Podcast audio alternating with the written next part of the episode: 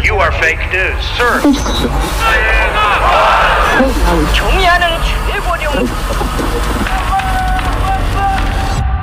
on kolmapäev, kahekümne teine juuli ja Delfi helistuudios on kogunenud Vene Delfi, venekeelse Delfi ajakirjanik Roman Strapopov. tere! ja Eesti Päevalehe arvamustoimetuse ajakirjanik Krister Paris tere, tere! mina olen Kaarel Kressa ja tahtsin teiega rääkida sellest, mis toimuvad idapoolsetes riikides ehk Ukrainas, Valgevenes ja Venemaal aga alustuseks võtaks üsna palju Eestis huvi tekitanud juhtumi, kus Eesti kodanik Nikolai Iljin hukkus Donbassi lahinguväljal. me teame Nikolai Iljinist praeguseks seda, et tõesti elas Eestis kahe tuhande kuuendast aastast ja sai kahe tuhande kuueteistkümnendal aastal kodakondsuse, suri siis umbes kolmekümne kuue aastasena aga alustaks võib-olla sellest, et mismoodi on Vene ja Ukraina meedia seda juhtumit kajastanud. Roman, sa oled natuke vaadanud neid asju? jaa, muidugi, muidugi ma olen lugenud sellest äh,, sellised uudised, nii äh,, DNR või äh, Venemaa äh, väidab, et see, see on miniplahvatus oli. aga Ukraina väidab, et see oli tulistamine. no muidugi see on äh, sõda äh,, ei saa uskuda mitte äh, kellelegi. no äh, internetis olemas äh, mingi video, et inimene äh, käib äh, ja siis äh, toimub äh, plahvatus. no vot äh,, Vene meedia väidab, et see äh, kaamera oli äh, Ilini peal, GoPro kaamera mm.. aga muidugi me ei näe äh,, kelle, kelle oma see äh, kaamera oli. Ahah, seal on siis vaidlus käib selle üle, et kas ta nagu lasti maha äh, siis, kui ta läks sinna haavatuid abistama või see oli kuidagi lahingutegevuse käigus vist ka? nojah, jah, näiteks Ukraina väidab, et ta,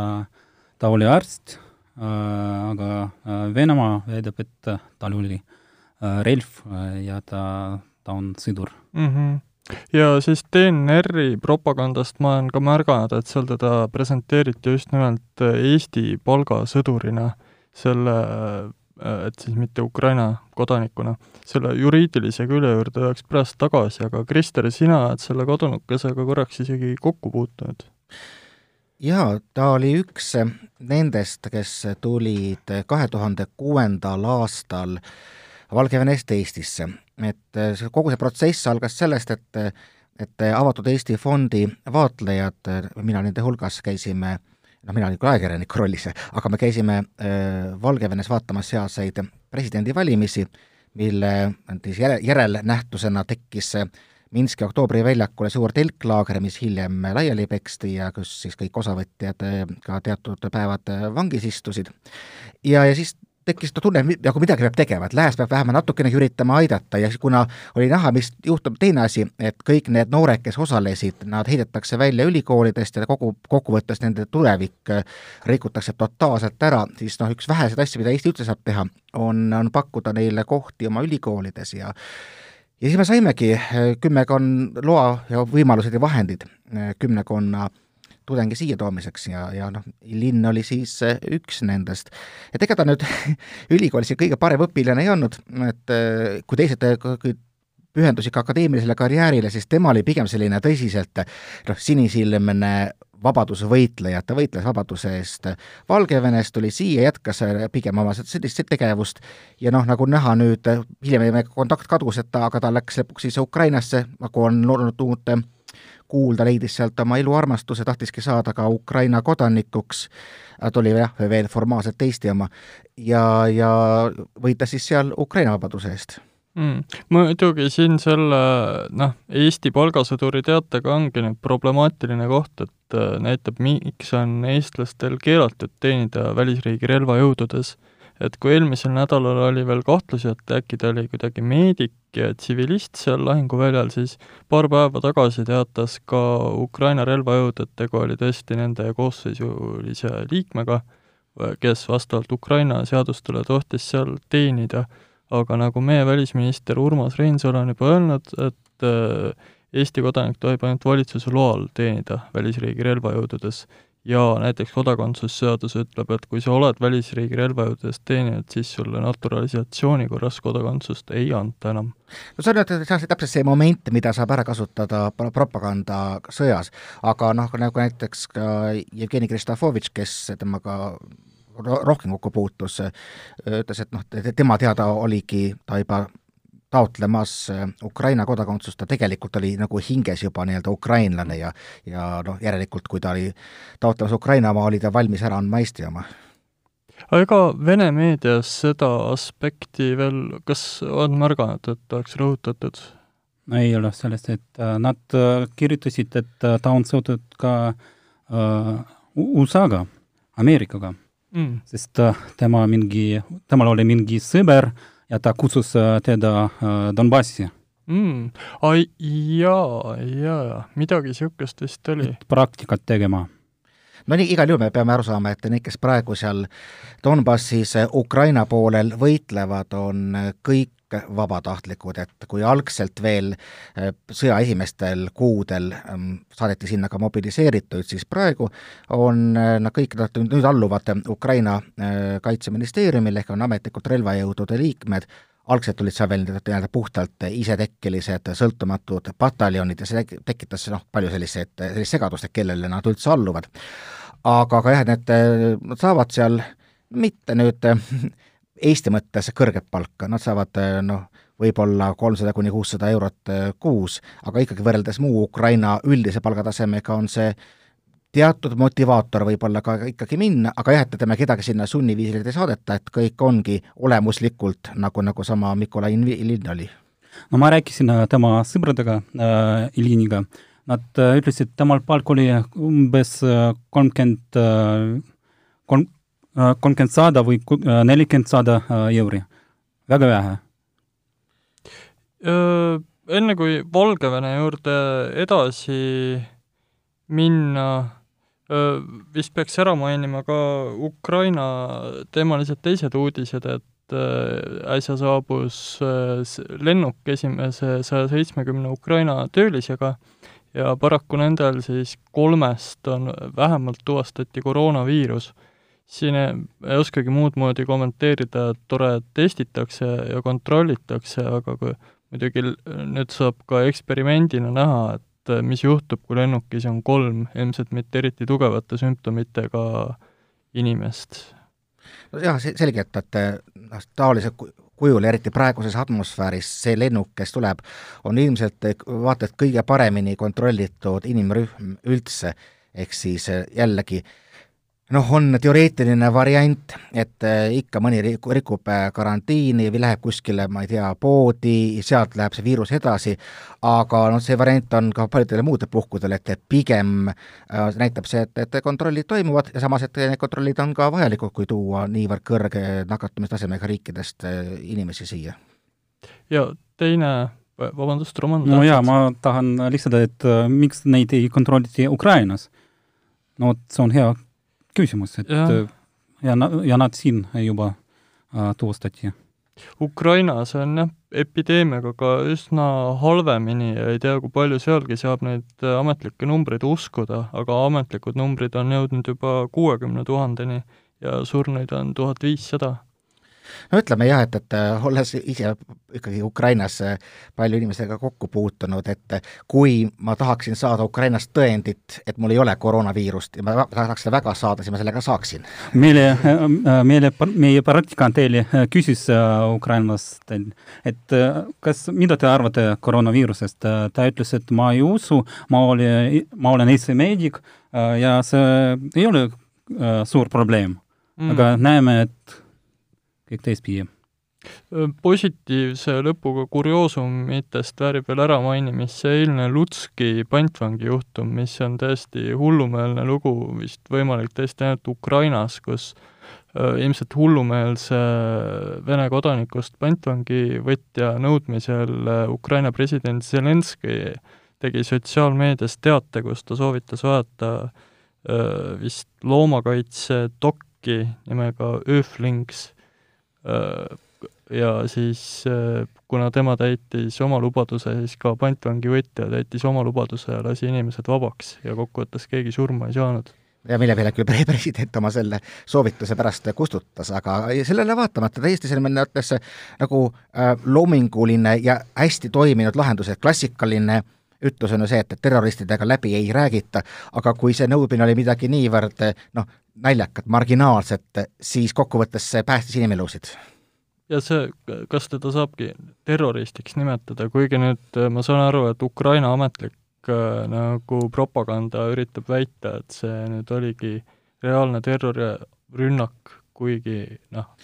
no pantvagi võtmine üldiselt on, ma loodan, et ukrainlased ei lähe väga selle peale, et see oli kuidagi Kremli mahitatud, et see oleks natuke liiga äh, huvitav isegi, isegi parimate Kremli taktikute jaoks. Vene ajakirjanikud proovisid temale rääkida, nad helistasid, ta võttis torud ja siis ta ütles nendele, Moskva mind ei huvita aga juba noh, need nõudmised äh, ei ole nagu klassikalised terroristi nõudmised nii väga, et äh, pigem vist märgid viitavad, et motiiv ei olnud poliitiline, et selles mõttes ma nimetaks teda terroristiks, vaid lihtsalt hulluks. just, et küllap äh, võib seal olla oma meditsiiniline aspekt. aga läheks edasi meeleavalduste juurde, meid siis toimuvad nii Valgevenes kui Venemaal, aga eelkõige Valgevenes, kuna seal valmistutakse presidendivalimisteks.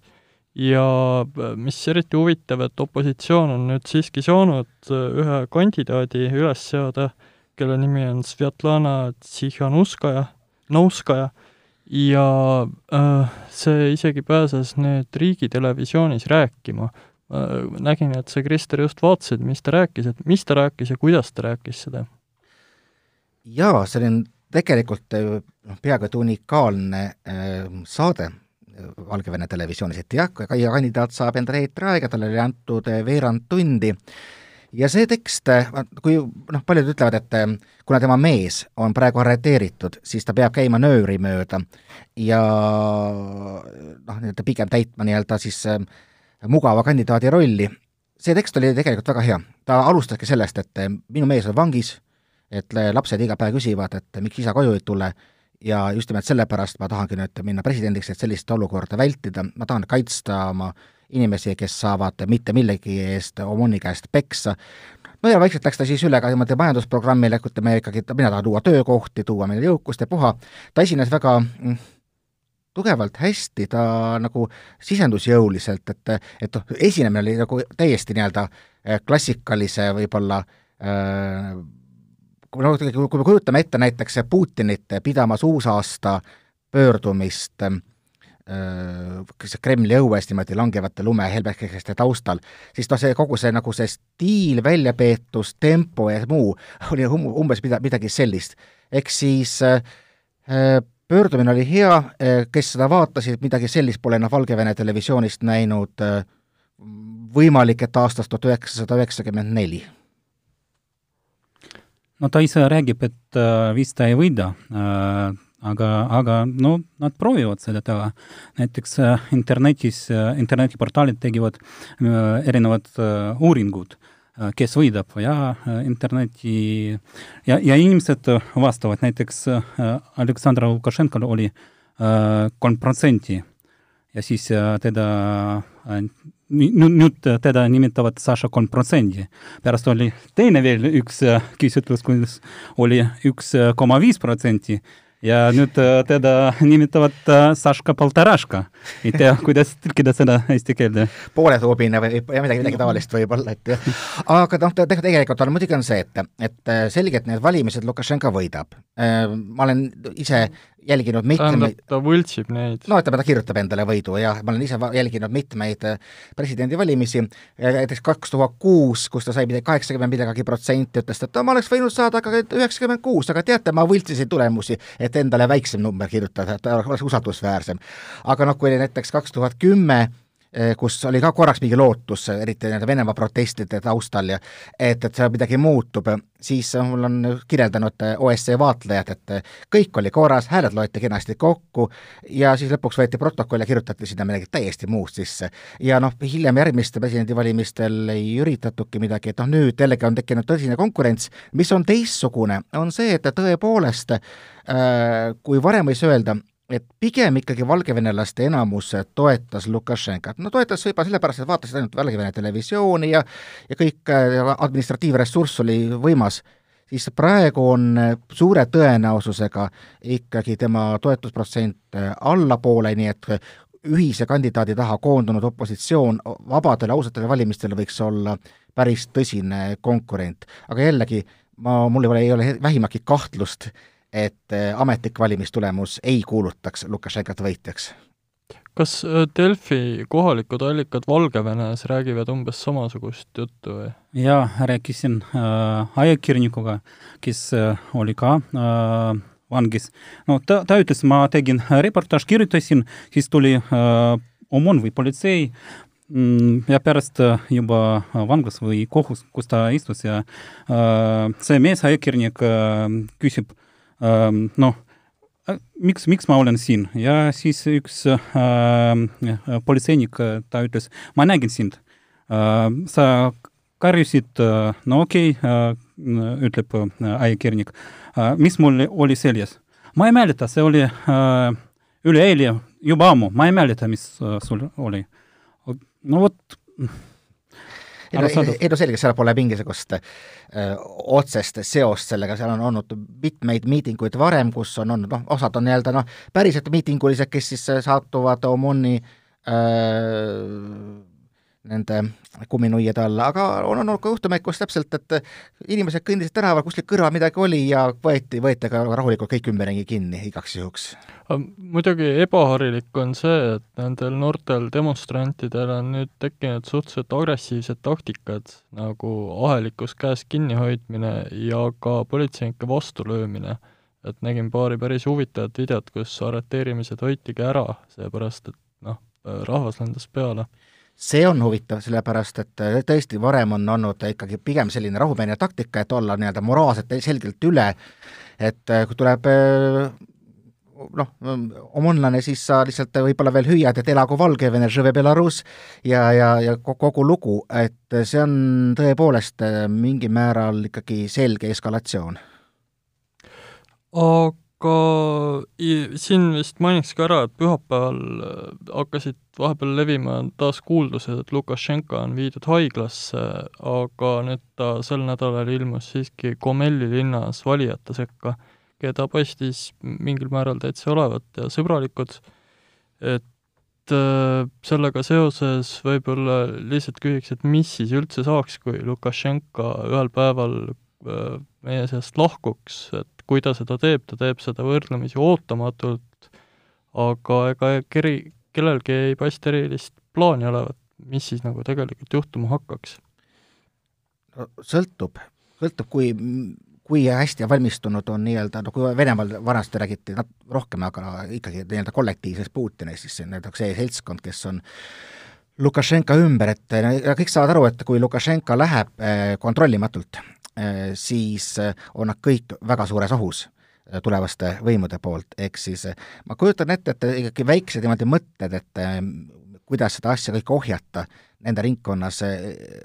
ringlevad. see on siis siis, kui niimoodi see kadumine peaks tulema ikkagi nii-öelda kontrollitud tingimustes. kui juhtub midagi taolist nagu Ukrainas, Äh, siis on muidugi hoopis teine asi. aga, aga noh, valgevenelaste mentaliteet siiamaani on olnud just väga teistsugune, nagu ma ütlesin, et pigem hästi rahumeelselt, pigem hästi nii-öelda seaduskuulekalt. ma tihti olen nagu mõelnud, et valgevenelaste suurim probleem ongi see, et nad on liiga head ja liiga korralikud inimesed no ma arvan, et äh, näiteks äh, no praegu räägivad, see on vist teine äh,, teine Ukraina, Ukraina äh, nagu Kiievis oli, ma arvan, et OMON ei saa, ei hakka tulistama, sest see on väike riik. kõik teavad teineteist, näiteks äh, inimesed elavad ühes majas, suures majas, üks näiteks OMON, teine äh, tavaline inimene no seal on Valgevenes on näha ju, et kui sa käid, et ütleme, harilik miilits on nagu, kui, kui üks, üks hüüdlause oli, et militsist narodam, siis miilits on no tõesti oma, oma poiss. no seal need, kes kutsutakse nendesse e-, eriüksustesse, mille eesmärk on, on rahvast maha suruda, eks seal muidugi tehakse nendes mõnes mõttes ka, ka zombid, et kindlasti see leiab mingisuguseid, kes hakkavad tulistama, aga jällegi muidugi Ukrainas tõenäoliselt need, kes tulistasid, olid üldse väljaspoolt Ukrainat tulnud, et siiamaani pole täpselt selge levisid ka kuuldused ja pildid sellest, et toodi välja mingisugused laigulised eriväelased, kes vist Siseministeeriumi mingisugused eriüksused, aga kes ei teinud üldse mitte midagi ja lihtsalt vaatasid pealt, kuidas inimesed protestivad. mis võis olla kah natuke üllatav võib-olla. no asi on selles, et, et seal noh, praegu Valgevenes no see majanduskriis on kõikidele ikkagi niivõrd äh, silmaga nähtav, et, et jah, tõepoolest, mida, millele on tuginenud siiamaani äh, Lukašenka võim paljuski on see, et need silovikid, et nad kõik need jõustruktuurid, nad saavad märgatavalt su suuremaid privileege, paremat palka ja kõike kui tavainimene. aga kui sa ikkagi näed, kuidas sinu vanemad kuskil elavad ja sa näed, et, et see tegelikult on kõik niimoodi seest õõnes, ega noh, suure, ma ütlen, et harilik valgevenelane on, kui ma ütlen, üldse, kui üritada rahvuse stereotüüpi luua, üks ääretult hea inimene, et ehk siis ta ilmselgelt tunneb, tunneb kaasa nendele. lõpetuseks sellele teemale peaks ära mainima ka koroonaepideemia, mille puhul Lukašenka aasta alguses väitis, et see Valgevenesse ei jõua ja tuleb lihtsalt eh, rohkem viina võtta ja saunas käia ja traktoriga sõita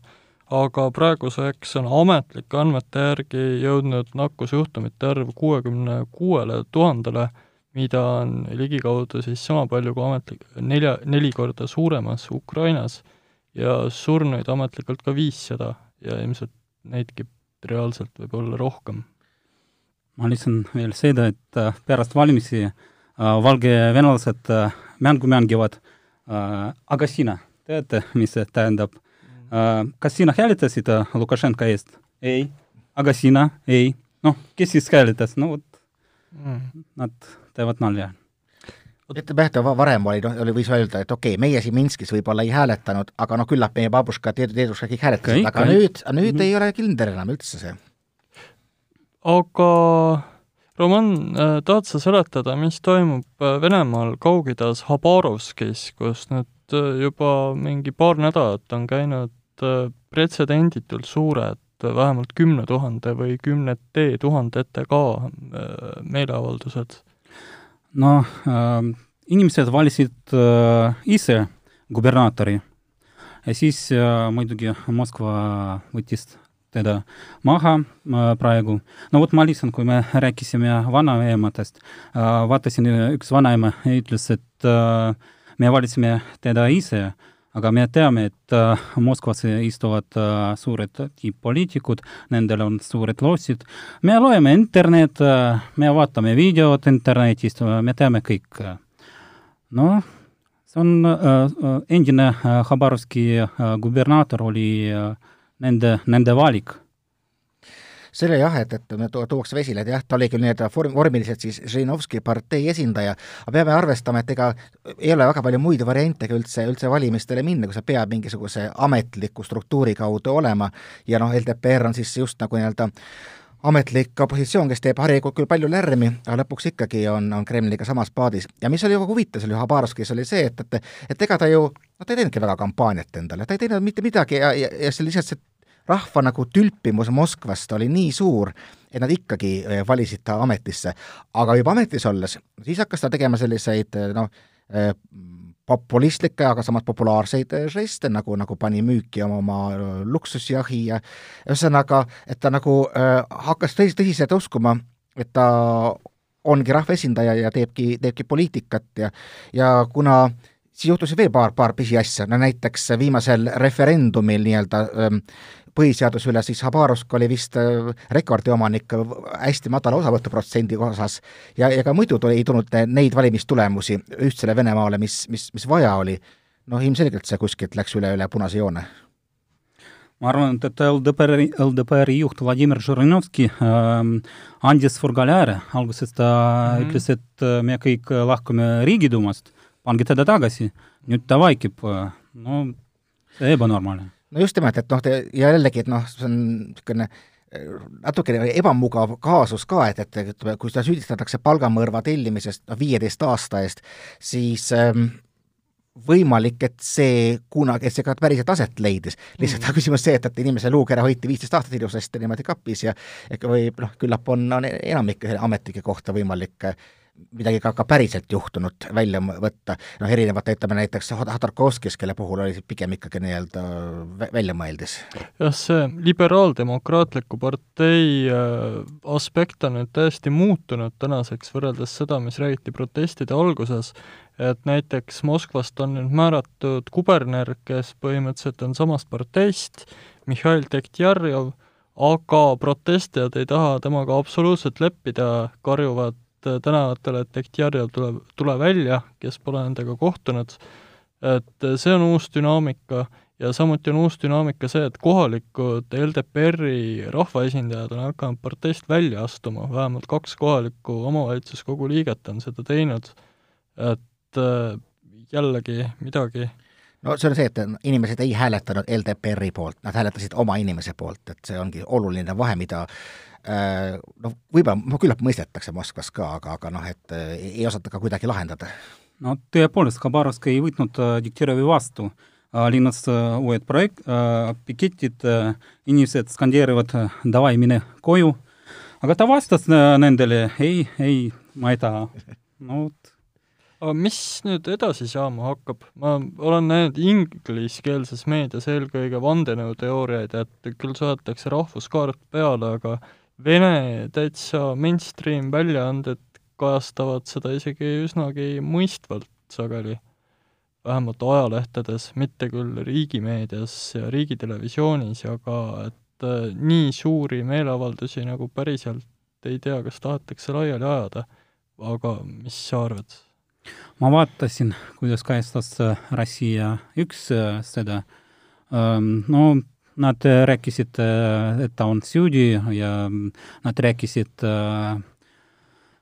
ühe vanaemaga,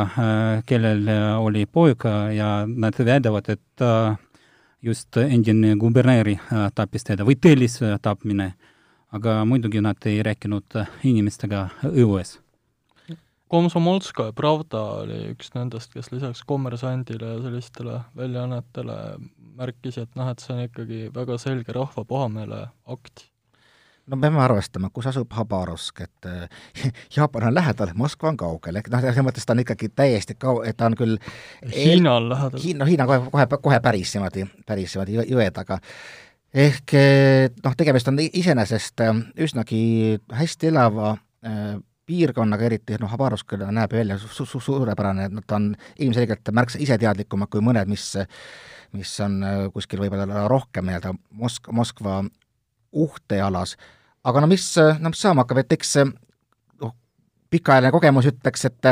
kõige suurema tõenäosusega noh, praegu protestivad ja, ja, ja, ja lõpuks rahunevad maha ja, ja lepivad ära. aga just, et see nagu taaskord nagu viitab ikkagi sellisele, sellele, et Venemaa ehkki noh, ta ei ole enam mitte kuidagi föderaalriik muus peale nime, siis ikkagi need noh, need regioonid, neil on oma teatud eh, isepäisus, ise, iseteadvust, meenutame kas või näiteks Arhangelskis toimunud suuri proteste selle vastu, kui hakati seal Moskvast prügi tooma, et, et seda ei saa täielikult ignoreerida ja kui me mõtleme nagu väga pikas perspektiivis, siis näiteks Jeltsini ajal oli ju päris tõsine hirm, et aga mine tea, äkki Venemaa lagunebki ja see hirm, ma usun, et siiamaani natukene äh, on Putini kuklas ja hästi palju nii-öelda tsentraliseerimispüüdjaid ongi läbi, läbi selle tulnud, aga nagu näha, ikkagi see noh, regionaalne vaim, noh, ta, ta on, ta on olemas, jah.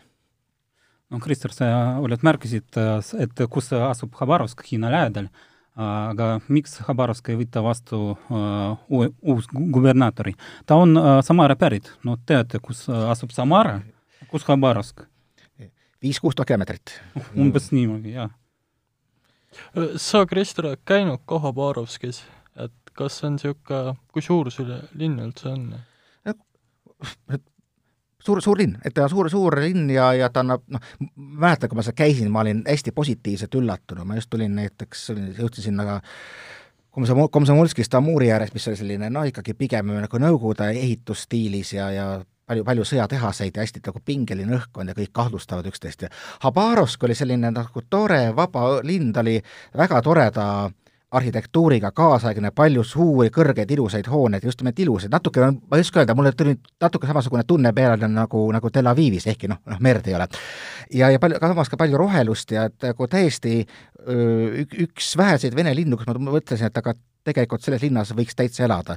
ja see oli esimene kord, kus ma nägin ka noh, päris palju selliseid Hiina külalistöölisi, et ehkki nagu, sel oli just see aeg, kus see Putin oli noh, neid kõvasti, neid hulka, hulka Kaug-Idas vähendanud, et sa välja ajanud, siis neid ikkagi seal oli ja selline nagu väike nagu Hiina, Hiina mekk oli ka mann.